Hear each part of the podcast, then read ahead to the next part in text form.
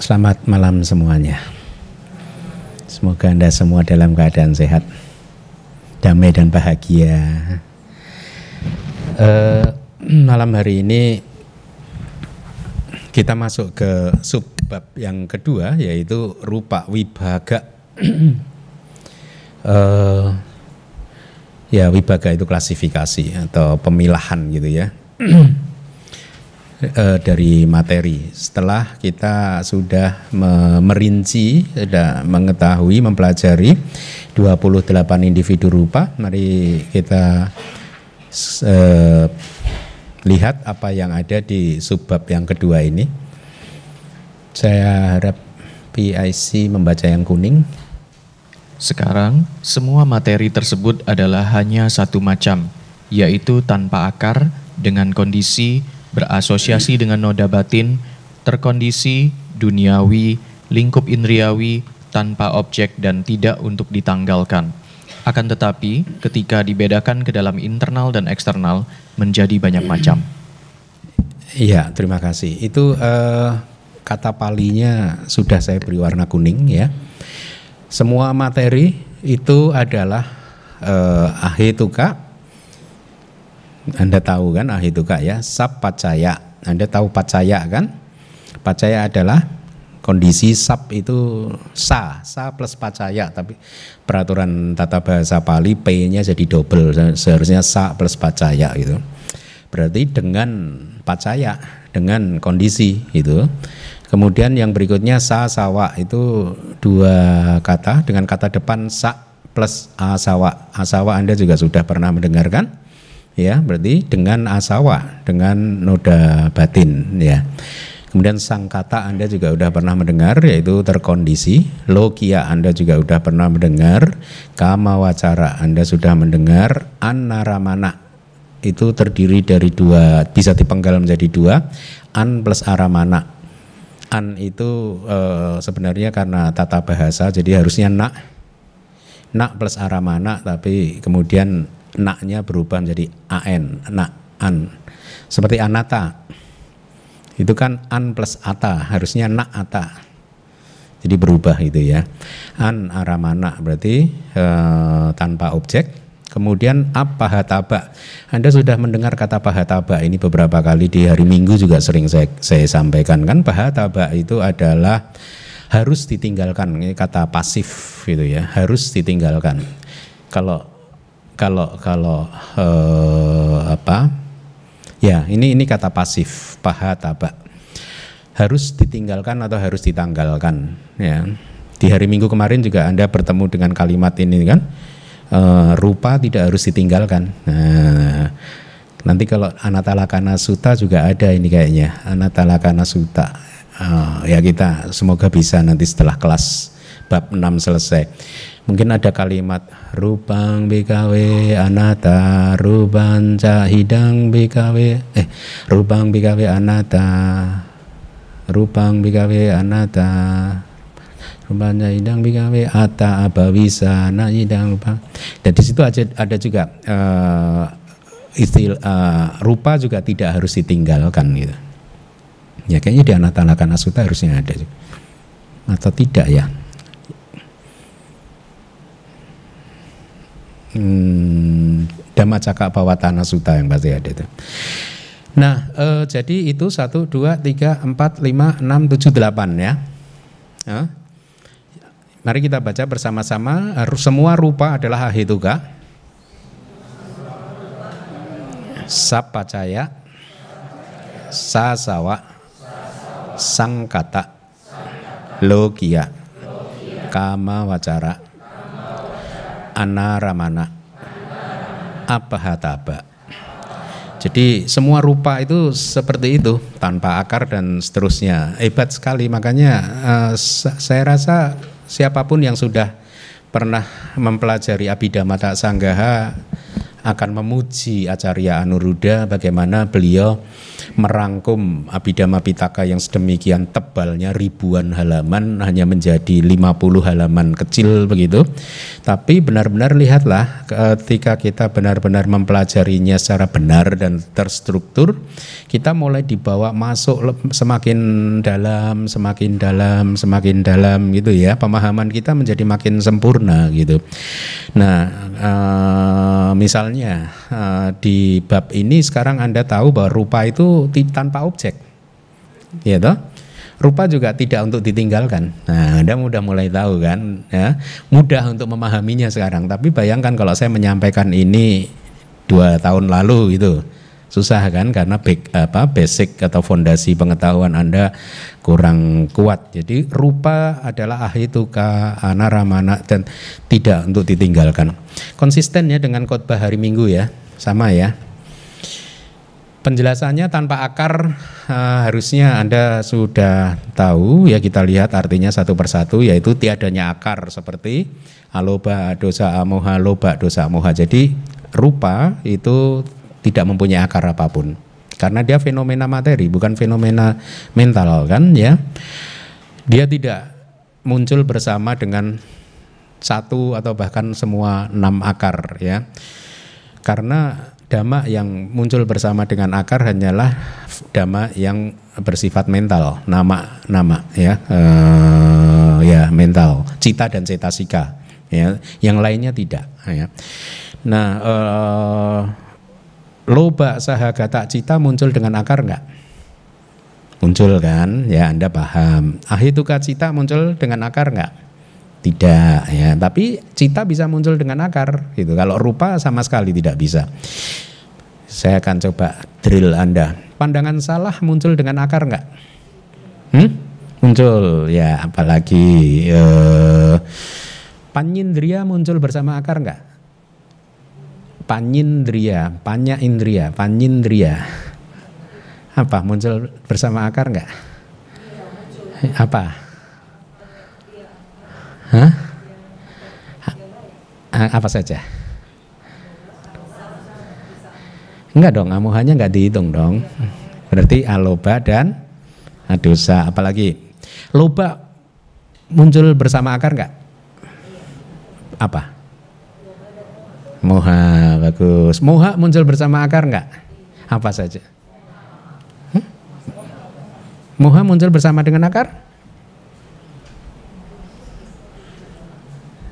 Gimana cara jawabnya? Moha muncul bersama dengan akar enggak? Hah? ya harus dianalisis. Kalau dia muncul di loba mula berarti muncul bersama dengan akar lo Uh, kalau dia muncul di dosa mula muncul bersama dengan akar dosa. Kalau dia muncul di moha mula enggak. Moha muncul tanpa disertai oleh akar apa pun. Nah gitu. Damas Anggani itu Damas Anggani.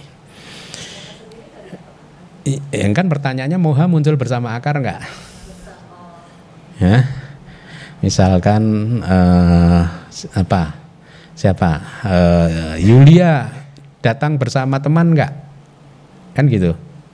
Kalau dia pas datang sendirian kita nggak bisa mau datang dengan teman. Siapa? Yulia sendiri. Nah kira-kira gitu. Kira-kira sama kan? Logikanya begitu. Itu Damasanggani makanya Damasanggani itu sebenarnya piece of uh, piece of cake mudah sekali kalau anda abidama tak sanggahanya kuat. Ya bukan sesuatu yang sulit. Bahkan wibangga pun juga bukan sesuatu yang sulit. Hanya di mungkin di patija samupadanya itu agak sedikit rumit sedikit lah ya.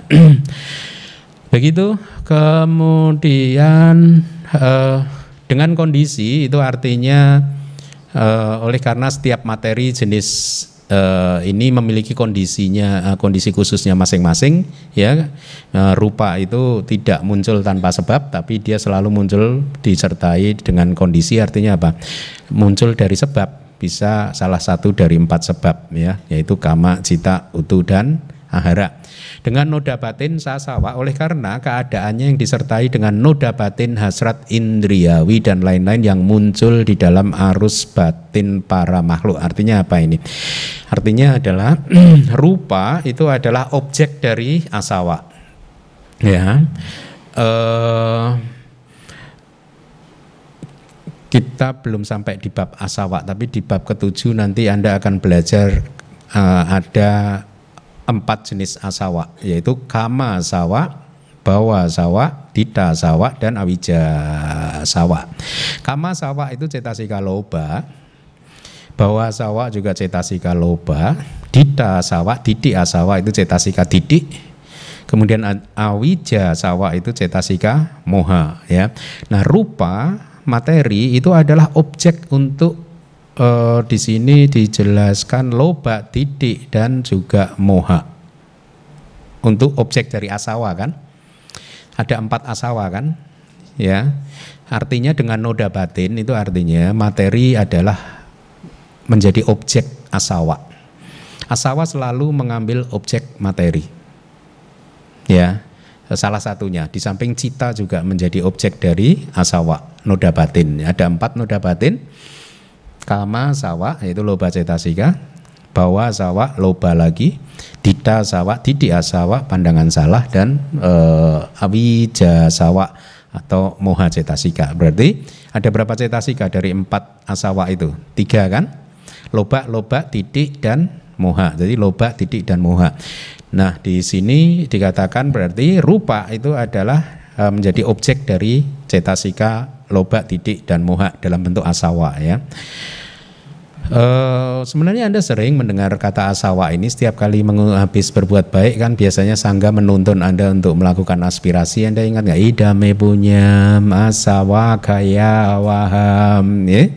Itu terdiri dari berapa kata? Asawa plus kaya plus awaha digabung jadi asawa kaya waham itu awaha itu artinya apa? Membawa ke membawa dari satu tempat ke tempat yang lain. Kaya itu kehancuran ya. Eh, asawa adalah asawa. Jadi semoga jasa kebajikan saya ini mengalir menuju ke arah kehancuran noda batin. Jas, kebajikan kita tidak akan pernah bisa menghancurkan noda batin ya. Tapi dia bisa mengkondisikan arus kesadaran kita untuk mengalir menuju ke arah kehancuran noda-noda batin.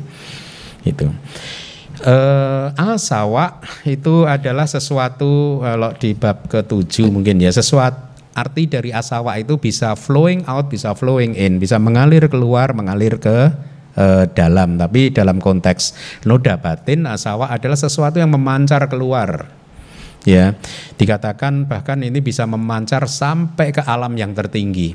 Artinya apa? Seseorang bisa lahir sampai ke alam yang tertinggi dari 31 alam kehidupan karena didorong asawa. Paham nggak? Karena ada loba ada keserakahan di sana ada kemelekatan pada uh, untuk terlahir di alam arupa Brahma, maka dia akhirnya melakukan meditasi dan uh, mendor akhirnya membuat dia mencapai arupa jana dan didukung oleh arupa jananya dia terlahir di arupa bumi arupa Brahma. Jadi itu di, eh, definisi dari asawa mengalir keluar, memancar keluar uh, uh, sampai ke bumi yang tertinggi atau bahkan sampai ke Gotrabu. Asawa berhenti di Maga. Kalau Anda masih ingat proses kognitif pencerahan ada yang namanya momen good kemunculan good rabu yaitu apa? E, pergantian silsilah ya. Dia uh, uh, bisa memancar sampai di situ itu tapi begitu setelah itu kesadaran lokutara muncul dia nggak nggak nggak memancar. Tetapi pada saat mencapai jana pun juga sebenarnya dia berhenti juga ya itu kira-kira penjelasan asawa memancar keluar seperti nanah itu. Ya, dia e, mengalir keluar atau juga asawa itu bisa diterjemahkan e, sebagai sesuatu yang sudah difermentasi sejak lama, kayak minuman keras gitu. Ya, jadi sangat memabukkan. Nah, jadi eh, itulah yang disebut noda batin kemudian terkondisi ya rupa adalah fenomena yang terkondisi oleh karena keadaannya yang dibentuk oleh berbagai kondisi. Jadi ini mirip dengan sapacaya tadi ya. Kondisinya apa? Ya sebab kemunculan dia kama cita utuh dan ahara ya, mirip. Rupa adalah duniawi, logia, oleh karena keadaannya yang terikat pada dunia yang disebut agregat yang menjadi objek pelekatan. Artinya begini eh, bahwa semua rupa apa pun itu tidak pernah adi duniawi gitu ya. Berbeda dengan cita yang bisa dikategorikan menjadi duniawi dan adi duniawi kan. Kita tidak bisa mengkategorikan rupa ke dalam dua kelompok duniawi dan adi duniawi. Semua rupa itu adalah duniawi ya. Karena rupa ini menjadi objek pelekatan. Adi duniawi tidak bisa bukan objek pelekatan. Nibana bukan objek pelekatan ya. Jadi itu arti dari duniawi lingkup indriawi kama wacara oleh karena menjadi objek dari nafsu indriawi. Anda masih ingat nggak pelajaran bab ketiga ya saya rasa tentang objek itu ya tentang aramana sanggaha. Ada berapa jenis objek? Kira-kira boleh nggak saya jawab langsung biar hemat waktu aja gitu? boleh ya? Hah? Nggak apa-apa ya? Terima kasih, terima kasih atas kesempatan yang diberikan pada saya. Ada empat ya, kama wacara, lima ya. Kama wacara aramana, kemudian maha kata aramana. Eh, huh? kama wacara aramana mah, uh, konsep maha kata aramana, kemudian adi duniawi. Lokutara aramana. Ada empat kan? Masih ingat nggak kama wacara aramana itu apa saja? Objek objek lingkup indriawi itu apa saja? Boleh nggak saya jawab? Nah, ya. 54 cita yaitu kama wacara cita. Kemudian 52 cetasika dan 28 materi. Nah, makanya disebut lingkup indriawi ya. Jadi nyam apa? berkaitannya dengan pelajaran yang lalu. Meskipun rupa uh, itu uh, bisa muncul di bumi Brahma atau alam Brahma materi halus ya. Karena Brahma materi halus masih mempunyai tubuh kan masih mempunyai materi kan. Tapi tetap saja rupa itu disebut kama wacara atau lingkup indriawi. Kenapa? Karena rupa menjadi objek dari nafsu indriawi. Itu artinya. Tanpa objek tidak memiliki objek-objek karena tidak mengambil objek apa pun. Ya saya rasa paham ya. Rupa tidak mengambil objek seperti yang dilakukan cita dan cetasika kan? Ya. E, rupa juga tidak menyadari objek seperti cita kan? Karakteristik dari cita kan menyadari adanya objek. Rupa tidak bisa menyadari adanya objek. Rupa tidak bisa mengenali objek melalui proses kognitif seperti widi cita ya. Tidak ada ya jadi itulah mengapa rupa dikatakan sebagai an aramana anaramana. Ini kurang a ini ya, anaramana a kurang garis di atasnya. Anaramananya itu. Nah, eh, kenapa? Karena rupa selalu menjadi objek itu sendiri ya, beda dengan cita-cita sika. Cita dan cetasika kadang dia mengambil objek, kadang dia dijadikan objek juga. Tapi rupa tidak bisa mengambil objek. Dia selalu dijadikan objek. Kemudian, nah ini paham ya, rupa tidak untuk ditanggalkan. Kalau ceramah hari Minggu berarti daging tidak untuk ditanggalkan kan? Paham ya sekarang ya? Oleh karena materi bukanlah dhamma yang bisa ditanggalkan seperti kilesa. Kilesa bisa dihancurkan. Ya, oleh tadangga dan lain-lain. Saya rasa di hari Minggu juga saya pernah membahas ini. Ada berapa tadangga pahana? Artinya ini apa? Penanggalan melalui penggantian dengan faktor yang berlawanan. Ada, ada berapa pahana ya?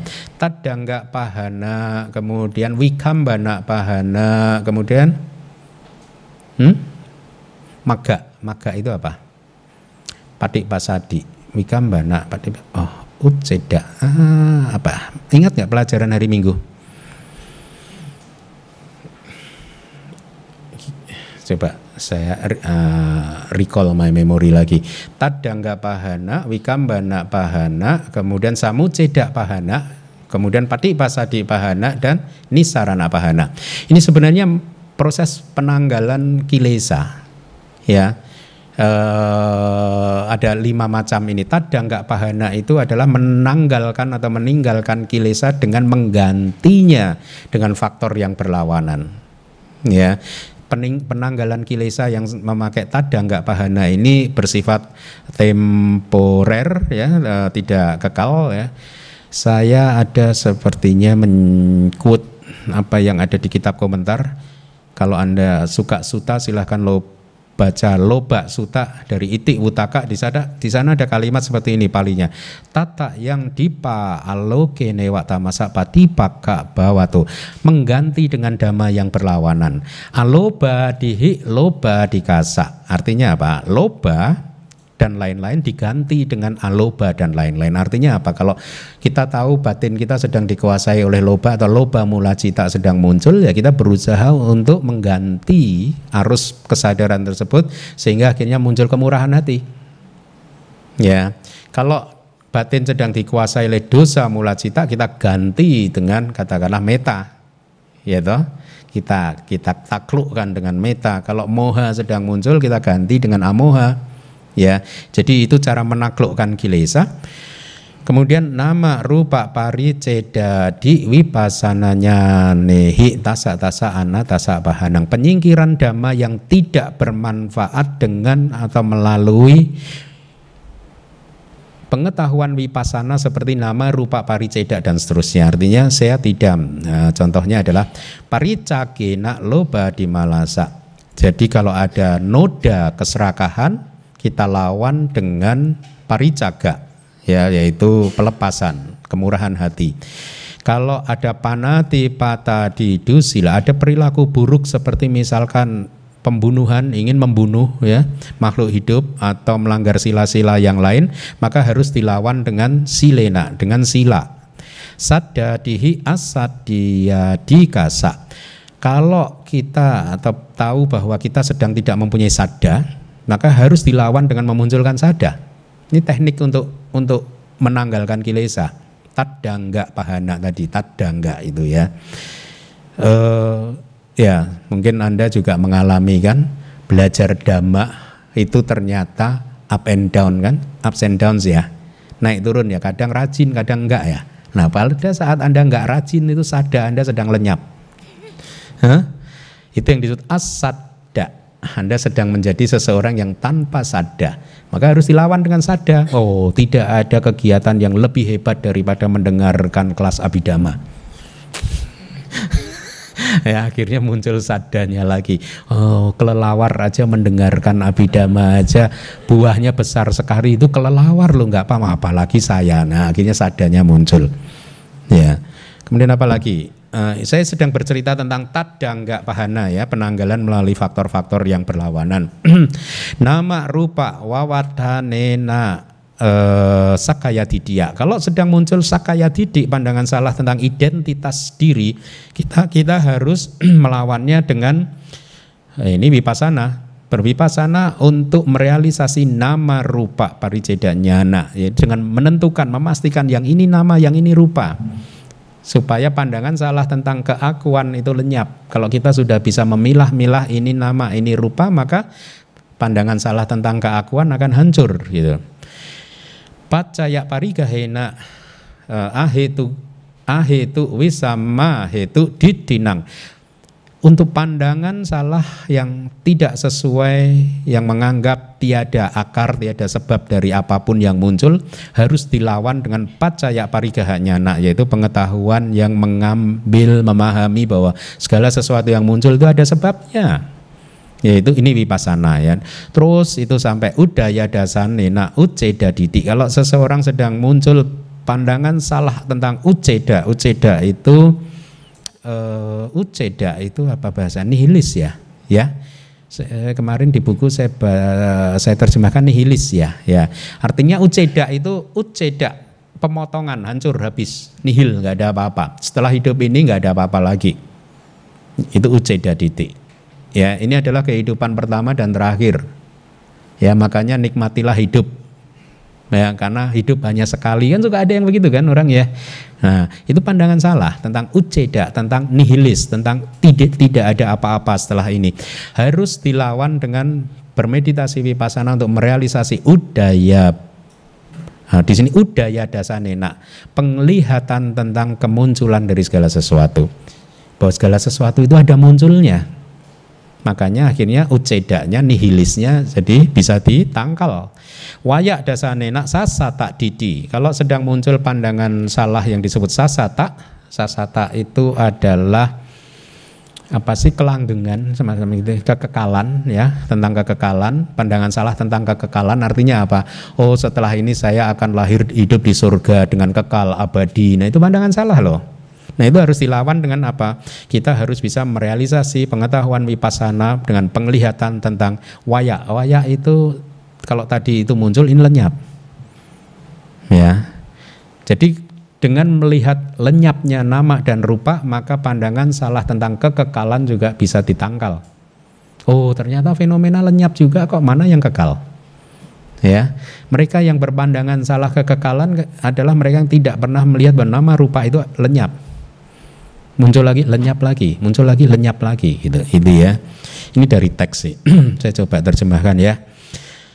Uh, Bayak dasanena sabba Yesu abaya sanyaya untuk untuk seseorang yang mempunyai abayasanya persepsi tentang tiadanya rasa takut ya terhadap dhamma yang sesungguhnya menakutkan seperti samsara ini ya kan menakutkan ya. Supaya kilesa ini bisa ditekan maka diganti dengan uh, adi huh? mana tadi? Adinawadasane eh bukan bukan. Uh, bayak dasanena ya diganti dengan penglihatan tentang ketakutan. Penglihatan tentang ketakutan itu kalau Anda bayaknya anak, Anda bermeditasi Anda akan mulai melihat uh, bahwa ternyata nama rupa ini benar-benar menakutkan. Karena setiap kali Anda melihat menganalisa nama rupa yang tampak hanyalah pecah, pecah, pecah, pecah terurai, terurai, terurai, terurai. Jadi akhirnya muncul pengetahuan tentang uh, ciri menakutkan dari nama dan rupa ya. Uh, ada ada ada panjang banyak sih sampai Gotrabu ya Gotrabuna Sangkara Nimita Gahasa ini yang terakhir ya saya seseorang yang sedang masih mencengkram ya seseorang yang mencengkeram sangkata uh, sangkara nimita tanda dari sangkara ya atau mencengkram sangkara melekat kepada sangkara kepada nama dan rupa ini ya maka dia harus diganti ya, dengan gotra bunyana. Itu pengetahuan pergantian silsilah sesaat sebelum magaknya muncul kan? Ya ya pada saat mencapai gotra bunyana maka orang eh, yogi biasanya sudah tidak mencengkeram sangkara nimita tanda dari sangkara tanda dari nama dan rupa. Ini dia sudah mulai melepas Semuanya udah lepas sampai maga dan palak muncul pada saat maga dan palak muncul dia mengambil objek nibana. Itulah tadangga pahana. Kemudian pahana yang berikutnya saya rasa kita tidak perlu bahas ya. Kalau wikambana pahana itu kan penanggalan kilesa melalui jana ya. Kalau samuceda pahana itu melalui maga. Padi pasadi itu melalui palak. Nisarana itu melalui keluar dari uh, samsara itu nisarana pahana ya. Uh, kemudian hmm, Anda masih uh, ingat yang tadi ada berapa? Jadi kita ulangi lagi, semua materi adalah ahe, tuka, kemudian sapacaya, bagus, kemudian sasawa, ya, kemudian sangkata, kemudian logia, kemudian kama wacara, kemudian anaramana dan pahataba, ya uh, itu harus dihafal besok untuk ujian. Silakan dibaca lagi. Bagaimana lima macam materi yang dikenal sebagai transparansi dinamakan sebagai materi internal, yang lainnya adalah materi eksternal. Ya. Jadi Anda hafalkan dulu nih yang disebut materi internal karena ini di Anatalakana Sutta juga ada nih uh, rupang bikawe anata rupanya idang bikawe atau bawisan idang rupang apa daya sangwa tadi idang bikawe ah aja tangwa bahidawa olari kangwa suku mangwa itu jadi rupa diganti eh, diklasifikasikan menjadi aja tangwa bahidawa internal atau eksternal gitu. Jadi yang disebut internal dari 28 rupa itu hanya pasada rupa ya, yaitu materi transparansi. Ada berapa? Lima, bagus. Mari kita lihat penjelasan dari kitab subkomentar Ajatika itu bahasa palinya. Saya sertakan materi internal. Kenapa disebut internal? Oleh karena kemunculannya berkaitan dengan diri sendiri atak bawa. Tentu saja materi yang lainnya pun juga sebenarnya muncul di internal. Akan tetapi di sini hanya mata dan lain-lain ya yang disebut sebagai materi internal kenapa karena materi internal tadi itu sangat penting sehingga Seolah-olah dia itu berkata seandainya kami tidak ada maka kamu kita akan jadi seperti sebatang kayu busuk yang tidak berguna. Anda bisa bayangkan kalau kita adalah manusia yang tanpa mempunyai lima pasada ya kita tidak bisa melihat, tidak bisa mendengar dan seterusnya, tidak ada penginderaan ya. Jadi eh, oleh karena itulah pasada rupa menjadi sangat bermanfaat untuk setiap manusia, individu ya, tidak hanya manusia ya, makhluk apa pun. Dan itulah mengapa mereka saja materi-materi itu saja yang disebut internal karena nilai pentingnya, pertimbangannya ya. Atau alasan lain disebut internal karena kemunculannya terkait dengan kesadaran yang bertindak sebagai pintu. Jadi dia bertindak sebagai pintu untuk kemunculan kesadaran. Maka pasada rupa disebut internal ya. Dia sebagai disebut sebagai pintu di mana kesadaran bertemu dengan tamunya dari luar pintu objeknya kan? Ya eh, saya harap anda tidak bingung ya memang benar ada rupa lain yang ditemukan di internal tapi hanya itu saja yang disebut internal dengan alasan-alasan yang di atas. Apa apa saja alasannya tadi sangat penting dan bermanfaat tanpa pasada kita menjadi seperti kayu busuk gitu tadi ya. Tidak bisa apa-apa. Tanpa pasada eh, apa? Ya kita tidak bisa mengenali objek. Tidak ada penginderaan. Berarti ada berapa materi yang disebut eksternal? Tinggal dikurangkan. 28 kurangi 5 berarti 23 materi sisanya disebut materi eksternal bisa Anda sebutkan? Deng deng deng. Mahabuta empat. Gocara berapa? Tujuh. Gocaranya tujuh. Gocara berapa? Empat lagi delapan. Bawa berapa? Dua, sepuluh. Jiwita dulu kan? Oh, oh iya Daya dulu, berarti 11. Jiwita 1, 12. Kemudian Ahara 13, terus 10 yang Anipana. Ya. 10 yang bukan materi yang benar-benar materi itu ya. Berarti 23 materi tadi disebut eksternal ya. Tapi Anda harus memahaminya bukan berarti materi-materi tadi ada di luar tubuh kita, ya, bukan. Karena beberapa materi ada di dalam uh, tubuh kita, ya, bisa di dalam, bisa di luar. Disebut eksternal karena meskipun ada di dalam tubuh, mereka tidak sepenting dari uh, lima pasada. Itu penjelasan dari kitab subkomentar. Mari kita lanjutkan. Enam macam materi, yaitu transparansi dan jantung dinamakan materi yang merupakan landasan. Yang lainnya adalah materi yang bukan landasan. Anda sudah belajar kan ada berapa landasan sih sebenarnya? Enam kan? Landasan mata, landasan panca indera dan landasan jantung. Berarti enam. Ya, enam itu adalah materi landasan, sisanya bukan materi landasan. Saya rasa mudah ya untuk dipahami. Di kelas-kelas terdahulu kan kita sering membahas kan tentang landasan mata dan seterusnya. Nah, inilah dia orangnya ini. Ya, kemarin-kemarin belum sempat kan Anda kenalan. Nah, ini dia orangnya.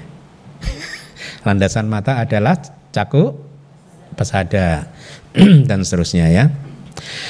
22 materi lainnya adalah materi yang bukan landasan karena dia bukan merupakan materi fenomena materi yang mensupport kemunculan kesadaran.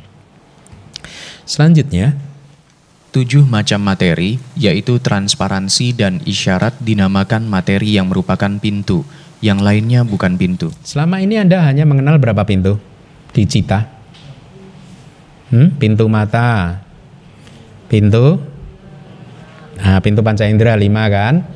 Terus pintu batin itu apa? Bawangga kan? Kita bicara materi. Berarti dua yang lain ini apa ini? Berarti yang tadi tidak masuk kan? Isyarat, yaitu isyarat tubuh dan isyarat ucapan. Ini kan dua materi meskipun dia hanyalah atribut kan, ya anipan rupa kan, tapi dia juga disebut materi.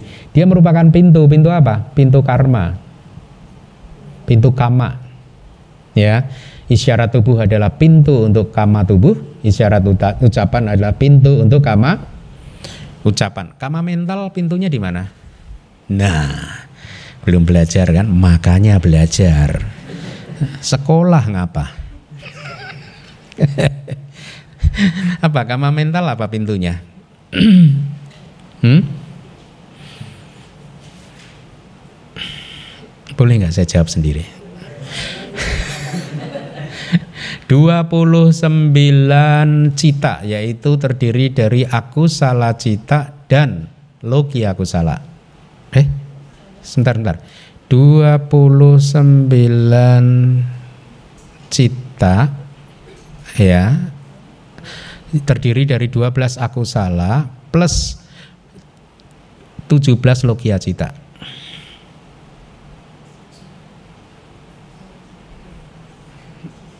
Lokia cita. Eh, Lokia kusala cita. Ada berapa kusala cita? Mudah kan? Aku salah kan 12. Kusala kan kebalikannya 2 1 2 dibalikkan 21. Dari 21 kan yang 4 adalah adi duniawi kan berarti 21 kurangi 4 ada 17 kenapa itu saja yang disebut pintu kama mental Ya karena karma munculnya dari kesadaran-kesadaran itu toh. Kalau karma buruk munculnya dari 12 aku salah cita. Kalau karma baik lingkup indriawi munculnya dari 8 maha kusala cita. Kalau karma berat yang baik pencapaian jana melalui 12 mahagata kusala cita. Eh sorry, 5 plus 4 9 mahagata kusala kan? Paham ya? Berarti pintu kama mental apa? 29 cita yaitu 12 aku salah cita dan 17 kusala logia cita. Logia kusala cita. Hmm, pinter ya. Hmm. Yuk lagi. Delapan macam materi, yaitu transparansi, jenis kelamin, dan kehidupan, dinamakan materi yang merupakan daya pengendali, yang lainnya bukan daya pengendali. Ini istilah daya pengendali ini e, sebenarnya akan saya rubah ya menjadi Anda lihat palinya ada yang berwarna kuning indria rupa. Ya. Saya jelaskan. Rupa adalah materi indria itu semacam berasal dari kata indra. Indra itu kalau Pak Sansekerta. Kalau palinya inda. Inda itu raja atau tuan ya karena dia adalah tuan atau raja maka dia mengendalikan semuanya dia berkuasa ya berkuasa terhadap wilayahnya masing-masing, wilayah kerajaannya masing-masing. Cakuk Pasada disebut sebagai raja, makanya dia kadang nanti di teks Abhidhamma dia mempunyai nama Cakundriya, Cakuk Indriya, Raja Mata. Nah, signifikansinya apa? Materi kalau disebut sebagai indra, indria atau daya, daya pengendali atau raja, signifikansinya adalah dia mengendalikan semua fenomena yang muncul di situ. Termasuk cita dan cetasika itu di bawah kendali dia. Artinya begini, cakundria kalau kita berbicara cakundria, kalau indria mata kita ini tidak sehat, maka kita tidak bisa melihat objek dengan baik. Betul nggak? Kita tidak bisa melihat objek dengan baik itu gara-gara cita dan cetasika kita yang tidak baik atau indera mata kita yang tidak baik? Indera mata. Kalau sotindria, sota indria digabung jadi sotindria berarti indria telinga kita itu tidak baik, kita tidak bisa mendengar suara dengan baik. Kalau indria telinga kita baik, kita bisa mendengar dengan baik. Jadi pendengaran sangat tergantung pada raja telinga. Penglihatan tergantung pada raja mata dan seterusnya panca indera yang lain, tapi ada juga yang lain jenis kelamin. Ya, jadi itik bawa dan pumbawa pun juga merupakan indria ya. Maka nanti kalau belajar di Dhammasanggani gitu Anda akan ketemu istilah itindria, iti indria. Purisindria, indria laki-laki, raja laki-laki. Itu di di kitab Dhammasanggani. Kenapa? Karena materi ini benar-benar sebagai raja. Kalau Anda mempunyai itindria, maka seluruh tubuh, ucapan dan lain-lain akan dikuasai oleh dia. Gitu ya. Sedemikian pula dengan purisindria atau mat atau purisata ya, purisata atau pumbawa. Itu juga merupakan indria. Kemudian eh, jiwitindria. Ya, Jiwitindriya ah ya uh, jiwita kan jiwita rupa itu juga merupakan indra menjadi jiwitindriya kan menjadi raja kehidupan karena uh, dia benar-benar menguasai semua materi yang muncul bersamanya di dalam satu klaster atau kelapa yang lahir dari karma. Ya nanti akan seharusnya ada penjelasannya. Kita lihat dulu dari kitab subkomentar. Delapan jenis materi tadi adalah materi daya pengendali atau materi indera karena berkaitan dengan kekuasaan di antara lima kesadaran indriawi. Tadi sudah saya jelaskan jenis kelamin eh, dan lain-lain itu artinya yang satunya adalah jiwitindria kan ya tentang kehidupan dan dalam hal penjagaan terhadap materi yang lahir bersamanya itu jiwitindria. Uh, lima jenis materi transparansi memiliki kekuasaan di antara kesadaran mata, kesadaran telinga dan seterusnya. Karena ketika materi tersebut tajam atau tumpul, maka hal itu akan menyebabkan kesadaran terkait menjadi tajam atau tumpul. Itu pengertian dari indria. Ya, jadi sekarang Anda paham kenapa disebut sebagai indria gitu uh, nanti mungkin di buku kita terjemahkan jadi materi indra gitu aja ya supaya deket ya antara Pali dan bahasa Indonesia karena kita kan juga mengenal kata indra kan. Uh, jadi delapan materi ini menjadi raja di wilayahnya masing-masing ya. Penjelasannya cukup jelas sepasang materi jenis kelamin mempunyai kekuasaan di antara jenis kelamin perempuan atau laki-laki walaupun muncul karena kondisinya masing-masing ya sebagian besar materi tersebut muncul dalam berbagai corak mereka masing-masing di dalam kesinambungan yang memiliki karakteristik alamiah perempuan atau laki-laki. Jadi itik bahwa itu mengendalikan sifat atau tingkah laku perempuan cara berjalannya itu Kenapa laki-laki dan perempuan cara berjalannya katakanlah berbeda karena ada indria yang disebut itik bawa dan purisindria itu tadi. Ya, suaranya juga berbeda ya. Kebiasaannya berbeda yang satu suka nangis.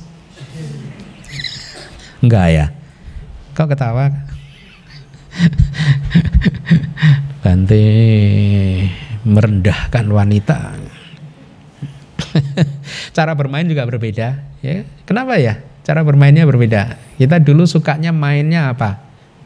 Kalau kalau kita laki-laki suka main sepak bola kan? Kalau teman kita yang perempuan itu yang SD itu wah pergi kayak ber, punya keranjang-keranjangan kayak mau belanja ke pasar gitu nanti daun loh daun dikumpul-kumpulin diiris-iris ya kayak ya ya kayak bener-beneran gitu mau masak gitu Itu yang menyebabkan apa? Karena ini tadi ada indria ini tadi yang mengendalikan itu semua kan, ya.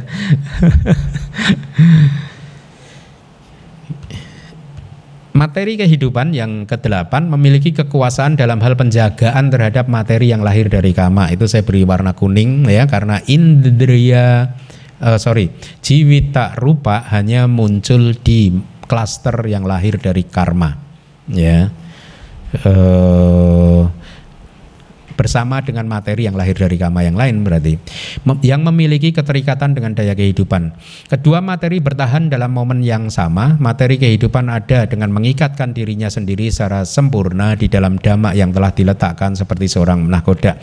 Penjelasannya seperti ini. Jadi katakanlah di dalam bola mata kita ini nanti kalau kita udah belajar tentang kelapa atau klaster ada satu klaster yang namanya cakuk dasaka ya cakuk dasaka kelapa. Artinya klaster eh, dekat mata itu kesepuluhan mata ya. Berarti satu klaster ini isinya sepuluh individu materi ya. Gampang untuk diingat-ingat. Delapan sudah pasti ada karena ini tidak terpisahkan kan? Akwini yaitu empat mahabuta wana ganda rasa, oja. Yuk hafalkan yuk. Awini boga empat mahabuta wana ganda rasa oja. Empat mahabuta wana ganda rasa oja. Delapan ini selalu muncul di dalam klaster. Kemudian karena dia tidak terpisahkan. Yang kesembilan adalah rupa. Itu uh, cakup pasada itu sendiri. Karena kita bicara tentang cakuk dasaka kan? Berarti cakuk pasada ada di situ. Yang ke sepuluh adalah jiwita rupa yang kemarin kelas minggu lalu sempat saya sampaikan kepada Anda, saya lagi berpikir ini mungkin semacam nyawa gitu dalam konsep agama-agama lain. Nyawa itu ya gitu, itu sebenarnya jiwita itu. Bisa jiwita rupa, bisa jiwita cetasika. Hah? Hmm? Buku dua? Saya sudah ya, oke. Okay. Ya, ya. Saya rasa nyawa itu sebenarnya jiwitindria ya. Uh, jadi tadi saya menjelaskan tentang cakuk dasaka kan klaster kesepuluhan atau dekat mata yang lahir dari kama ya. Dari sepuluh individu rupa tadi jiwitindria tadi menguasai uh, klaster tadi. Makanya tadi dikatakan uh, dia menjaga materi-materi lain yang lahir dari kama yang memiliki keterikatan dengan dia artinya muncul dari klaster yang sama ya dengan jiwita rupa itu sendiri. Kedua materi bertahan dalam momen yang sama seperti cita cetasika itu loh. Cita dan cetasika yang muncul bersama itu kan dia bertahan bersama kan, muncul bersama-sama, lenyap bersama-sama. Nah di dalam satu klaster tadi ada 10 individu rupa, dia juga bertahan bersama, muncul bersama, kemudian bertahan terurai bersama. Mirip cita dan cetasika, ya. Saya kemarin tanya ke Aling, klaster itu apa sama dengan senyawa ya dalam kimia itu ya? Kalau ada yang paham ilmu kimia, mungkin sama ya dengan senyawa itu ya. Ya, dia muncul bersenyawa kan artinya satu nyawa kan. Senyawa, satu nyawa ya. Uh, jadi begitulah Jiwitindria menjaga rupa yang muncul bersama dengan dia di dalam satu klaster yang sama, tapi hanya klaster yang lahir dari karma. Tapi Jiwitindria juga menjaga dirinya sendiri kan? Ingat nggak? Kelas minggu lalu sudah saya sampaikan uh, tukang sampan ya. Kalau di sini nahkoda, seperti nahkoda kapal kan, membawa penumpang menyeberang, dia sendiri juga menyeberang itu kira-kira begitu. Jiwitindria menjaga supaya materi bisa berlangsung sampai mati, istilahnya sampai lenyap, tapi dia juga menjaga dirinya sendiri hingga hidup sampai mati. Paham ya? Atau nggak paham? Awas kalau nggak paham. Besok nggak mau ngajar lagi saya. Orang mudah kok nggak paham. kalau di buku kedua mungkin saya berikan contoh seperti air di dalam kolam teratai gitu ya, ya. Air ini membuat teratainya hidup, kira-kira begitu. Itulah jiwitindria. Uh, kalau kita bicara rupa, kehidupan rupa ini kan usianya 51 submomen kan. Jadi jiwitindria itu menjaga rupa yang muncul bersama di dalam satu klaster supaya bisa hidup sampai ke momen 51, sub momen ke-51 dan dia nanti di sub momen penguraian di sub momen ke-51 ya penguraian mati bersama-sama. Ya makanya kalau Anda mendengarkan saya do Myanmar siapa tahu satu hari nanti ada saya yang berkata sesungguhnya usia kita itu sangat singkat sekali. Di dalam satu detik itu kita udah mati lahir mati lahir jutaan kali miliaran kali. Ya kayak gini ini. Ya karena beliau sedang berbicara dengan metode abidama gitu Ya, uh, kok sudah selesai? Pas ya? Cepet ya? Hah? Oke, okay, berarti selesai beneran. Pas jam 8. Berarti saya pinter memilih slide-nya. Baik, terima kasih.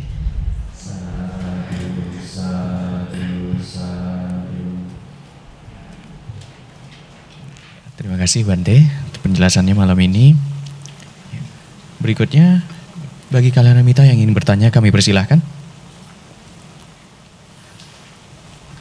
Mandami Bante. Uh, Bante, Ali masih bingung kenapa materi itu disebut sak sawarupa, ya maksudnya yang kesannya hanya asawa yang bisa mengambil materi. Padahal kan kita mengenal ada uh, sobana cita yang di dalamnya kemunculannya tidak ada akara yang tidak baik, eh, cetaska yang tidak baik itu juga kan bisa mengambil objek materi gitu. Iya, uh, benar. Saya ini kan yang terbaik.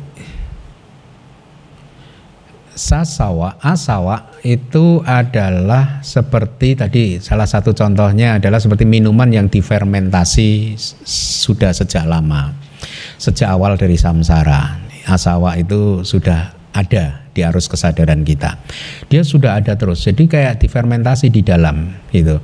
Meskipun pada satu saat ini hanya perumpamaan saja. Meskipun satu saat maha kusala itu muncul, tetapi selama kita itu masih belum menghancurkan asawa, maka kita bisa mengatakan bahwa asawa itu menjadi faktor yang mendorong di belakang gitu, underlying uh, factor jadi dia menjadi semacam tenaga penggerak. Nah, seolah-olah itu hanya perumpamaan karena sesungguhnya asawanya belum dihancurkan. Nah, rupa dikatakan sebagai sasawa menjadi objek dari asawa, hmm, objek pelekatan. Karena pada saat seseorang sudah tidak mempunyai asawa, maka dia sudah tidak lagi melekat kepada rupa tapi tetap bisa mengambilnya mengambil objek. Ya, kan pada saat orang se, seorang tidak mempunyai asawa, dia kan sudah menjadi arahat. Mau tidak mau dia harus melanjutkan kehidupannya sampai selesai kan. Setelah kehidupannya itu berakhir, sudah tidak diambil lagi karena emang padam. Ya, tapi selama masih ada asawa, maka kematian akan diikuti lagi dengan kelahiran lagi dan mengambil lagi gitu. Terus begitu. Tapi kalau sudah hancur asawanya maka dia hanya menghabiskan sisa hidupnya saja. Mau karena itu konsekuensi dari kelahiran. Setelah kematiannya dia parinibbana setelah itu sudah tidak ada lagi. Ya. kasih Bante ya sama-sama. Silakan. Ada lagi Selamat malam Bante. Uh, saya mau tanya kalau misalnya tubuh kita ini kan muncul karena empat sebab Bante. Kalau yang di eksternal kan hanya satu sebab ya Bante, kan dari kalau apa? temperatur aja kan maksudnya. Kalau apa? Uh, kalau tubuh kita kan dari empat sebab tadi yang karma, cita, uh, utu, ahara. Uh, kalau di luar kita seperti benda kayu ini kan berarti cuma satu ya Bante, ke temperatur ya dari. Uh, uh. Nah itu apakah memang yang di luar ini memang terjadi seperti maksudnya oh, seperti ahara muncul. juga loh yang di luar itu ya. Tuh tumbuhan kan ini ya ahara ya. Sebentar saya harus pastikan. Uh, saya uh, kemarin baca bukunya. Saya harus pastikan dulu ya. Oh eh ini saya dari baca buku sih Bante hmm, dari hmm, hmm, bukunya hmm, Nina Van Gorkom hmm, dari dia utuh bilang, dia ya. bilang hanya dari utuh apakah maksudnya uh, materi yang seperti kayu ini dia juga misalnya anggaplah uh, rupang Buddha ini Bante apakah dia juga terjadi proses muncul berlangsung lenyap dan utuhnya terus memproduksi rupa? Oh iya iya iya sama. Semua materi itu mempunyai uh, karakteristik uh, sang kata lakana kan? Muncul bertahan sesaat lenyap. Muncul bertahan lenyap. Semuanya. Di dalam samsara apa pun semuanya itu muncul bertahan lenyap. Muncul bertahan lenyap. Tidak ada yang tidak seperti itu Terima kasih Bante. Ya, oh satu ya. lagi Bante, yang pertanyaan saya minggu lalu tentang Milinda Panya itu di bab satu Bante tentang jiwa. Saya udah cari uh, ketemu uh, yang disebut diterjemahkan sebagai penalaran dan kebijaksanaan kan? Iya betul Bante. Itu adalah kata untuk manasikara, yuniso manasikara, manasikara dan panya kebijaksanaan. Tetapi kita itu tidak bisa membaca satu kitab tanpa penjelasan dari kita, tanpa melihat kitab penjelasannya. Sayangnya saya tidak mempunyai kitab penjelasannya. Jadi kitab komentar dari Milinda Panya saya nggak ada.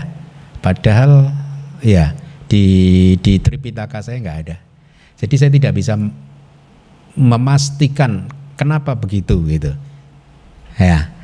Ha. Terima kasih Bante. Ya, oke. Okay. Karena saya yakin pasti konsisten, cuman kita belum tahu penjelasannya aja. Ya. Kita dulu pernah kan ada umat di Indonesia yang ngotot asanya sata itu kan makhluk tanpa persepsi. Berarti dia ngotot, ya yang nggak punya cuma persepsi, yang lainnya punya gitu kan namanya asanya sata gitu. Udah saya jelaskan tetap aja nggak bisa kalau gitu kenapa nggak dinamakan gitulah kira-kira. Ya akhirnya ya capek deh gitu.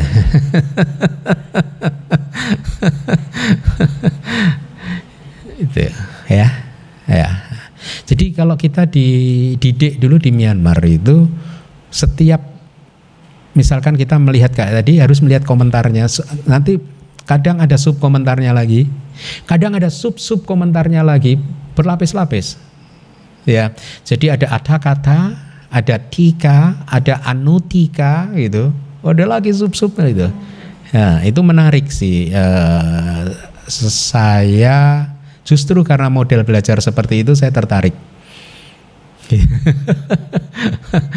Jadi kita tidak diajarkan untuk beropini. Kita benar-benar menghormati kitab komentar dan subkomentar tradisi Myanmar ya. Hmm, Oke.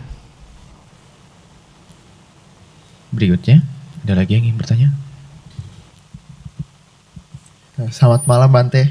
Uh, mungkin pertanyaan saya tidak tahu ini akan keluar dari konteks atau tidak. Tapi Teh Bante menyebutkan atas kata lingkup indriawi. Nah, saya ingin bertanya, bagaimana cara kita terlepas dari ikatan indriawi sebagai remaja zaman sekarang? Terima kasih. Bagaimana kita terlepas dari apa tadi? Ikatan indriawi. Ikatannya, ke kemelekatan lah, pelekatan terhadap kenikmatan-kenikmatan indriawi ya. E, jadilah anagami. Bermeditasi terus kemudian mencapai anagami maga dan pala. Nah, Anda lepas dari dari e, kamak dari nafsu-nafsu indriawi ya selama belum jadi sotapana aja nggak bisa lepas juga. Nah tapi bagaimana cara melepaskan secara temporer tadi kan ya cara melepaskan pengetahuan dharma itu penting ya. Misalkan dari suta kan banyak disebutkan kita harus memahami bahaya yang tampak dari nafsu-nafsu indriawi dan bahaya yang tidak tampak ya. Bahaya yang tampak dari mengejar kenikmatan indriawi itu apa? Berantem sebagai remaja ya kan? Rebutan pacar. Ah itu oh yang diincar satu yang incar tiga ya berantem. Ya kan? Itu bahaya yang tampak. Bahaya yang tidak tampak dia adalah karma buruk. Kalau berbuah bisa memunculkan kelahiran di alam bawah. Setelah kehidupan ini. Nggak nggak tampak tapi nyata. Kekuatannya nyata. Dia bisa menyeret makhluk apa pun untuk lahir di neraka, peta, asura, binatang. Karena dia adalah karma buruk. Nggak, terus gimana dong Pantai? Jadi biku. Udah nggak ngincer pacar, nggak ngincer siapa, udah. Itu caranya. Jadi biku lah. Ya, saya pertimbangkan. Ya. Dunia nggak worth it lah dunia nggak nggak worth percuma. Nggak ada manisnya dunia itu. Kelihatannya aja manis padahal enggak ya? ada lagi? Sudah terima kasih Wante ya. ada lagi yang ingin bertanya? Coba dengarkan ceramah saya tentang empat butir durian di YouTube. Ya ceramah saya judulnya empat butir durian. Itu cara mengatasi nafsu keinginan kesenangan kenikmatan. Ya oke. Okay. ada lagi?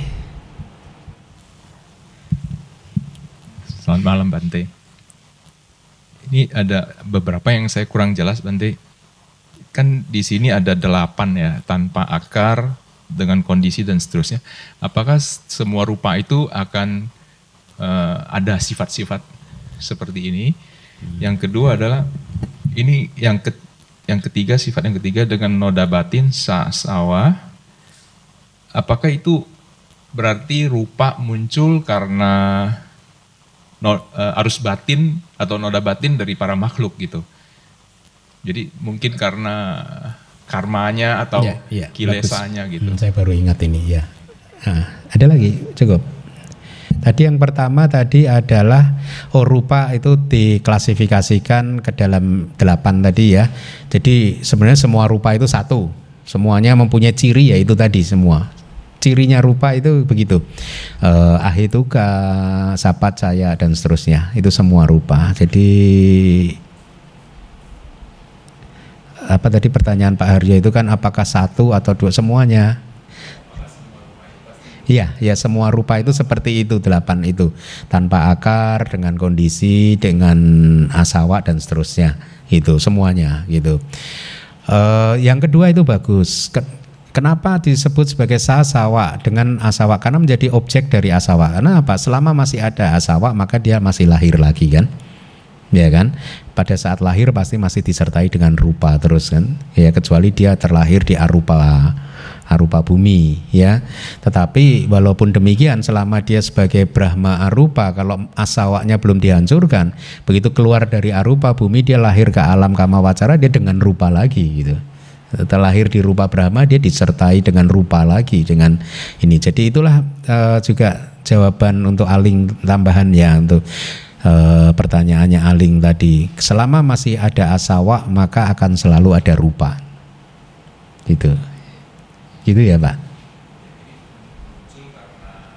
Muncul karena ada asawa. Ya, selama masih ada asawa maka e, rupa akan muncul. Jadi makanya tadi saya katakan seandainya pun seorang putu jana lahir di arupa bumi sebagai Brahma arupa, tapi selama dia masih putu jana maka dia hanya terbebas dari materi untuk sementara saja selama dia hidup di alam tersebut. Begitu dia keluar dari alam tersebut, lahir di alam yang di bawahnya, di bumi yang di bawahnya, dia lahir disertai rupa lagi. Pasti karena asawanya belum hancur. Nah makanya tadi waktu menjawab Aling juga saya katakan kan, lain ceritanya kalau seseorang sudah menghancurkan asawa, berarti dia menjadi arahat kan memang konsekuensinya dia harus menghabiskan kehidupannya di satu kehidupan itu gitu. Masih disertai dengan rupa. Tapi kematian dia sudah tidak ada lagi rupanya gitu. Kan dia meninggalkan seperti api yang padam arahat itu kan. Padam sudah tidak ada kehidupan lagi gitu. Uh, uh, apa? Ini sudah padam sudah tidak ada cita dan cetasika malah. Cukup jelas ya ada lagi? Ya, saya saya jelaskan lagi tambahan yang dari Pak Haryo tadi.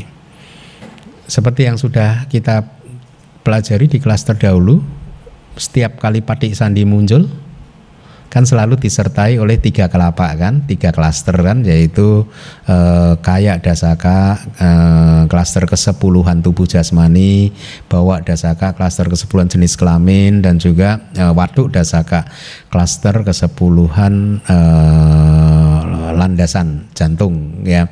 Nah tiga ini, tiga klaster ini, tiga kelapa ini lahir dari kama. Ya, Kama ini karena tadi underlying faktornya pendorong dari belakangnya meskipun maha kusala tapi selama masih ada asawa ya maka masih ada karma. Kalau sudah nggak ada asawa nggak ada karma. Ya jadi itulah mengapa meskipun maha kusala sebenarnya didorong juga oleh asawa gitu. Nah pada saat pati sandi muncul dia disertai dengan tiga rupa kelapa. Ini pun lahirnya dari kama. Nah kama ini bisa bisa terakumulasi karena masih ada asawa kalau sudah nggak ada asawa kan seorang arahat tidak melakukan karma lagi. Dia kan kiria fungsional kan itu jadi ya begitu. Selama masih ada asawa maka rupa akan terus muncul.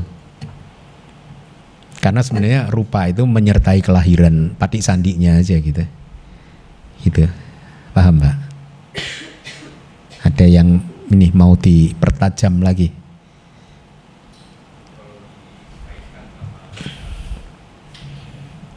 Selamat malam, Bante. Hmm. Nah, ini tadi saya teringat Bante bilang kotapannya hanya tujuh kali kelahiran. Pasti keluar dari samsara ya. Saya teringat dari teman saya tanya, kenapa hanya sebut tujuh kali gitu. Dia tanya saya, saya jawab, ini dari suta udah di uh, jawabannya seperti itu. Tapi dia tidak puas itu, Pak. Nah pertanyaannya kenapa tidak 8, 9 katanya. saya Ya, Begitu Bante. Jawabannya capek deh. Gitu. capek deh. Gitu. Nanti sama saja nanti misalkan Anda Anda naik ke sini naik apa ke sini? Eh, bensinnya satu lit satu liter berapa kilo? Kira-kira? Hah? Satu liter? Satu liter bisa jalan berapa kilo? 30 kilo. 30 kilo. Kenapa nggak 50 kilo? Kenapa? Why? why, why, why, why? Anda jawab, Bante capek deh. itu hukum alamnya seperti itu. Hukum alamnya seperti itu. Ibarat api, eh, minyaknya udah mau habis, katakanlah begitu. Memang durasinya maksimal tujuh kali kelahiran. Satak katu parama, hmm, paling banyak tujuh kali lagi gitu, tujuh kali kelahiran. Itu teksnya begitu ya. Tidak ada kelahiran yang ke-8. Nah, gitu. Itu ada teks-teksnya seperti itu. Ya karena mungkin eh, residunya, residunya. Jadi kalau seorang sotapana yang lahir tujuh kali lagi, itu artinya dia tidak usah berlatih aja, dia residunya itu setelah tujuh kelahiran habis, padam sendiri. Ada re- semacam residunya begitu. Ya, Ya kalau ditanya kenapa tidak laban, kenapa dia? Ya itu. Susah dong. kenapa? Iya. Ada lagi? Yang lain?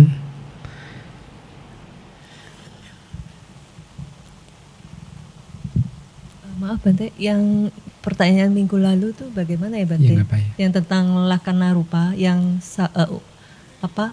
Yang rupasa upacaya dan rupasa santati itu apakah juga eh, pembagiannya itu kan dijelaskan hanya yang kamaja rupa yang setelah terbentuknya caka eh, cakup dasaka dan sebagainya baru setelah itu disebut kemunculannya disebut sebagai up- rupasa santati. Santati. Nah, bagaimana dengan yang utu jarupa dan Hmm, lain? belum ketemu Oh, saya. oke. Hmm. Itu kalaupun ada mungkin di Dhamma Sanggani kitab komentarnya kira-kira tapi saya belum sempat nyari sih.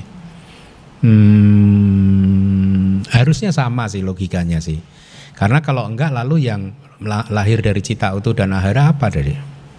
Bagaimana menggolongkannya sebagai rupasa, upacaya, santati dan yang lain gitu kan? Harusnya sih sama. Tapi endingnya yang berbeda ya berarti ya Bante.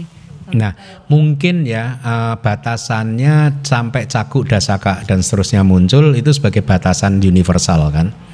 Ya, jadi setelah momen tersebut maka itu santati semuanya gitu.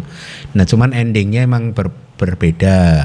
Misalkan eh, kalau yang lahir dari karma itu kan 17 momen ya sebelum cuti ya.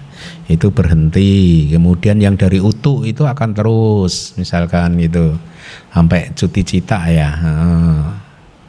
Yang dari ahara itu sampai terakhir dia ini. Sampai terakhir dia makan minum. Gitu kan ada orang yang koma sekian lama gitu itu makan minum gak sih? Kalau dari selang ya Mak. Ah, dapat da- masih dapat ya.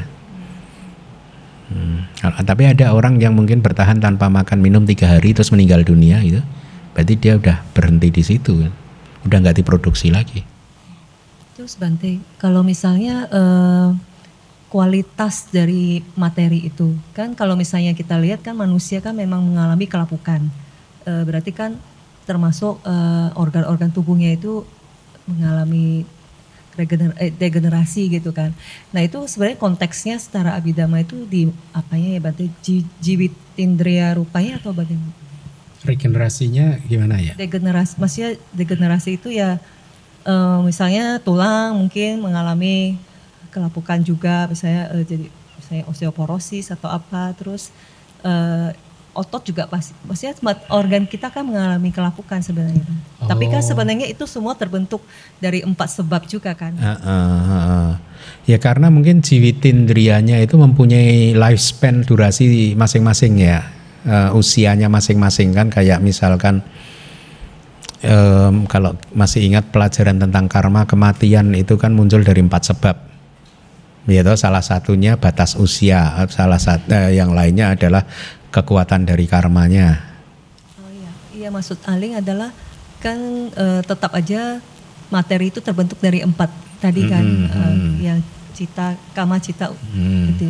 Nah berarti kualitas dari pembentukan itu yang jadi berkurang atau bagaimana? Bang? Kualitas pembentukannya itu yang jadi berkurang kalau dia mengalami misalkan kayak kelapukan ya. Nah, kayak Nah, bayi kerapu. sama orang tua kan Berbeda. eh, beda, eh, misalnya dari kulit aja misalnya gitu. Hmm. Saya rasa karena jiwitin eh, jiwita ya. Karena karena semua materi yang lahir dari karma itu kan mempunyai kekuatannya nya masing-masing ya. Ada yang mempunyai kekuatan sampai dia muncul sampai 80 tahun, ada yang 40 tahun gitu.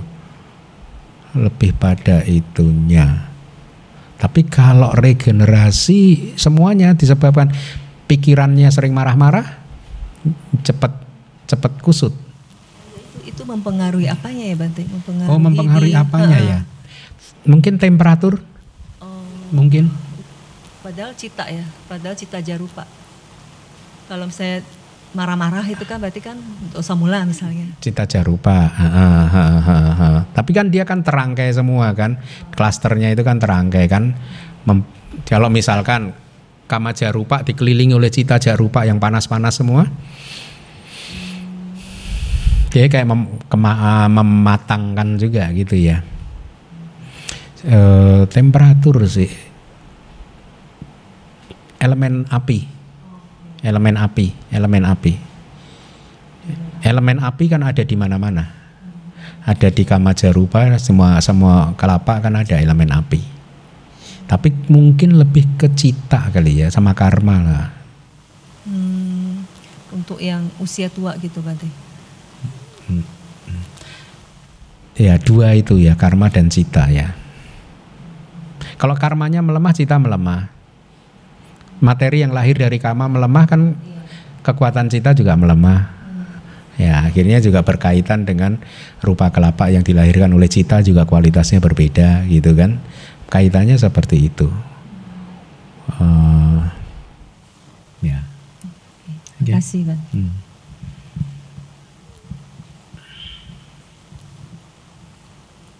Ada lagi?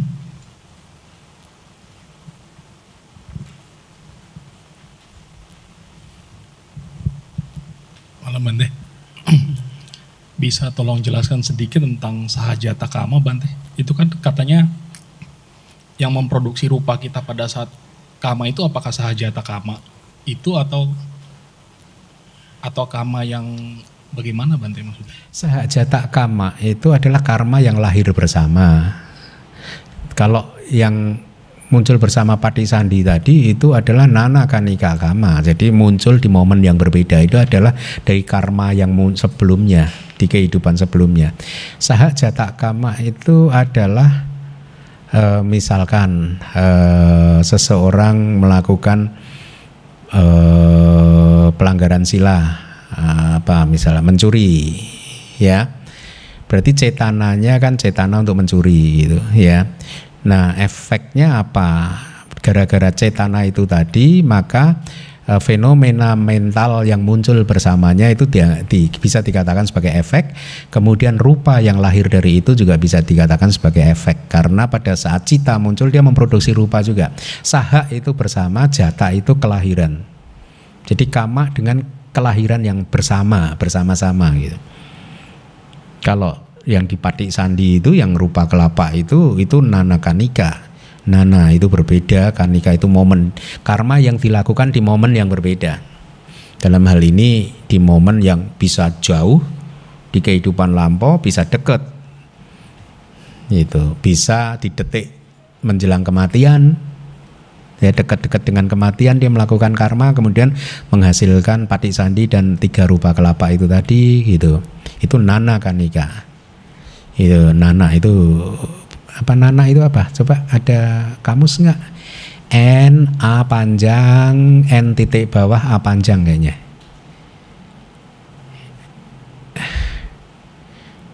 Yang berbeda gitu kayaknya ya. Nana. Eh, sahajata kama itu berarti pada saat karma itu eh pada saat perbuatan misalnya perbuatan itu dilakukan rupanya juga terbentuk, respon batinnya juga terbentuk Bante. Respon batin itu Atau apa bukan yang respon maksud? batin itu maksudnya citanya juga juga juga apakah seperti misalnya kalau sahajata kama itu nanti akan menjadi seperti kecenderungan kita Bante. Sahajata itu maksudnya lahir bersama. Jadi fenomena yang lahir bersama dengan itu itu yang disebut sahajata. Dia bisa membawa seperti kebiasaan Oh iya, iya semua karma bisa membawa kebiasaan. Misalnya kalau kita pertama mencuri tapi lama-lama kita Iya, iya. betul ya Bante maksudnya ada kecenderungan ke- untuk sering mencuri gitu. Itu ci- apa ya kehebatan karma. Dia bisa cenderung muncul lagi, muncul lagi, muncul lagi gitu berulang-ulang lagi. Makanya kita latih dengan membangun kebiasaan yang positif. Bangun pagi misalkan langsung bersih badan, persembahan kepada Buddha Rupa, kemudian meditasi baca parita. Di malam juga begitu. Dibangun kebiasaan itu nanti akan otomatis juga kita akan terbiasa seperti itu. Memang sifat dari pikiran seperti itu sih harus dilatih. Terima kasih Bante. Apa artinya nih? Hah? N A N A gitu. A panjang. Hmm? Berbeda harusnya ya. Hmm? Differently kan, ya. Berbeda kan? Kanika itu momen kan? Karma yang muncul di momen yang berbeda. Itu nana kanika.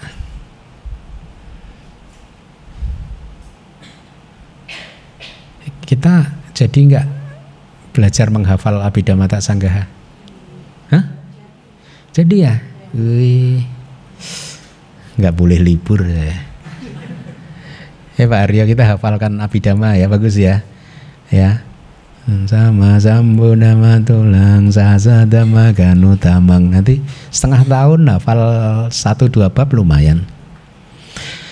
Saya juga diuntungkan karena saya banyak yang lupa juga. Tapi kalau latihan bareng nanti kan saya ingat lagi.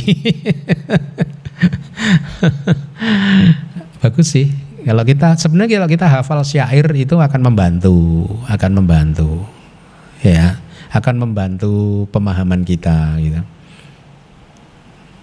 Karena itu ibaratnya jurus induknya kan kita hafalkan kan.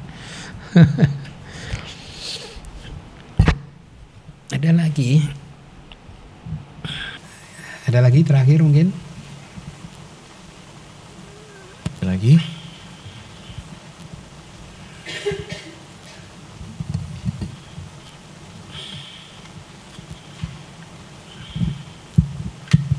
Bante, selamat malam.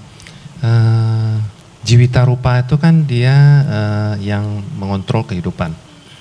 Artinya begitu jiwita itu jiwita rupanya mulai eh, lenyap atau gimana, itu kehidupan juga berakhir karena kan yang mempertahankan kehidupan kan dari, dari jiwita rupa. Benar begitu Bante?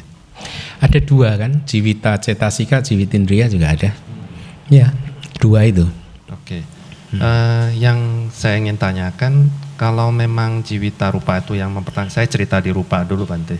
Jadi jiwita rupa itu mempertahankan kehidupan, kenapa, me- mengapa ada orang yang misalnya meninggalnya karena mungkin jantung, ada yang meninggalnya mungkin karena lever. Maksud saya begini, apakah jiwita rupa itu ada di dia menjaga masing-masing organ itu atau bagaimana Bante? Itu aja. Jiwita rupa adalah yang menjaga masing-masing masing-masing organ. Tubuh. rupa menjaga masing-masing klaster, masing-masing kelapa.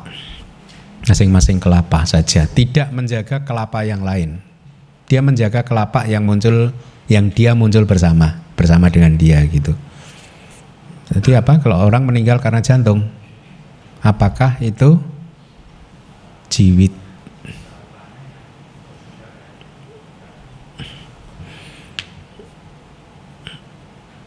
Hmm, jantungnya berhenti gitu ya, itu ya. Hmm. Yang dokter kan anda sebenarnya. Nggak, tapi saya coba mencoba berpikir dari sudut pandang dhamma sih. Eh, kenapa jantung berhenti gitu ya? saya tidak tidak tahu.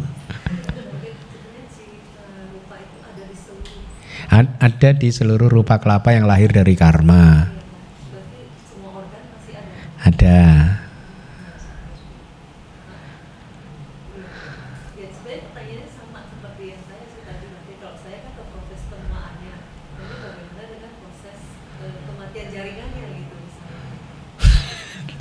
Jaringan Telkomsel atau jaringan?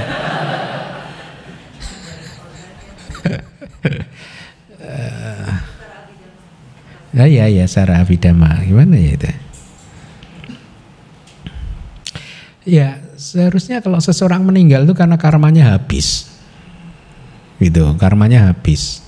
Jadi jiwitindria cetasikanya putus juga, kemudian yang rupa juga putus itu uh, 17 momen cita sebelum cuti cita gitu. Jadi karmanya habis. Karena karma habis, eh bukan usianya habis itu salah satunya karma. Kemudian karena memang sudah memasuki batas usia. Ya, memang kalau katakanlah zaman sekarang manusia umurnya 120 100 tahun 80 tahun. 100 tahun itu di zaman Buddha. Katanya kalau zaman sekarang kalau dulu belajar di Myanmar itu ya 80 tahun itu udah sebenarnya usia usia normalnya. Kalau udah lebih 80 berarti bonus.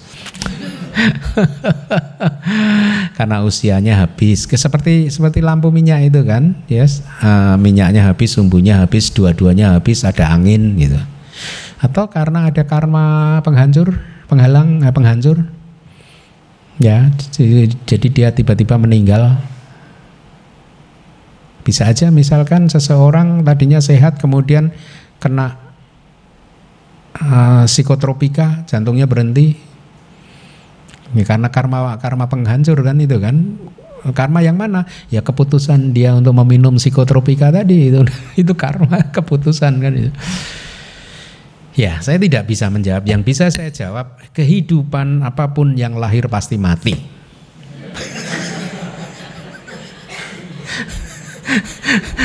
Kalau nggak lahir nggak mati. Ya, nah matinya bisa karena jantung berhenti, bisa karena yang lainnya. Tapi yang kinci samudaya damang sabang tang niroda damang. Yang kinci samudaya damang uh, dama apa pun yang mempunyai sifat muncul sabang tang semuanya itu mempunyai sifat lenyap. Pada saat yang Arya Kondanya mendengar ini beliau jadi sotapana kita mendengar ini tadi nggak jadi-jadi juga. Karena paraminya beda.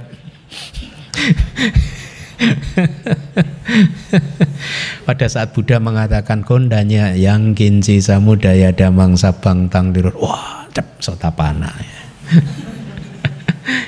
nah, tadi saya mengatakan yang kinci anda.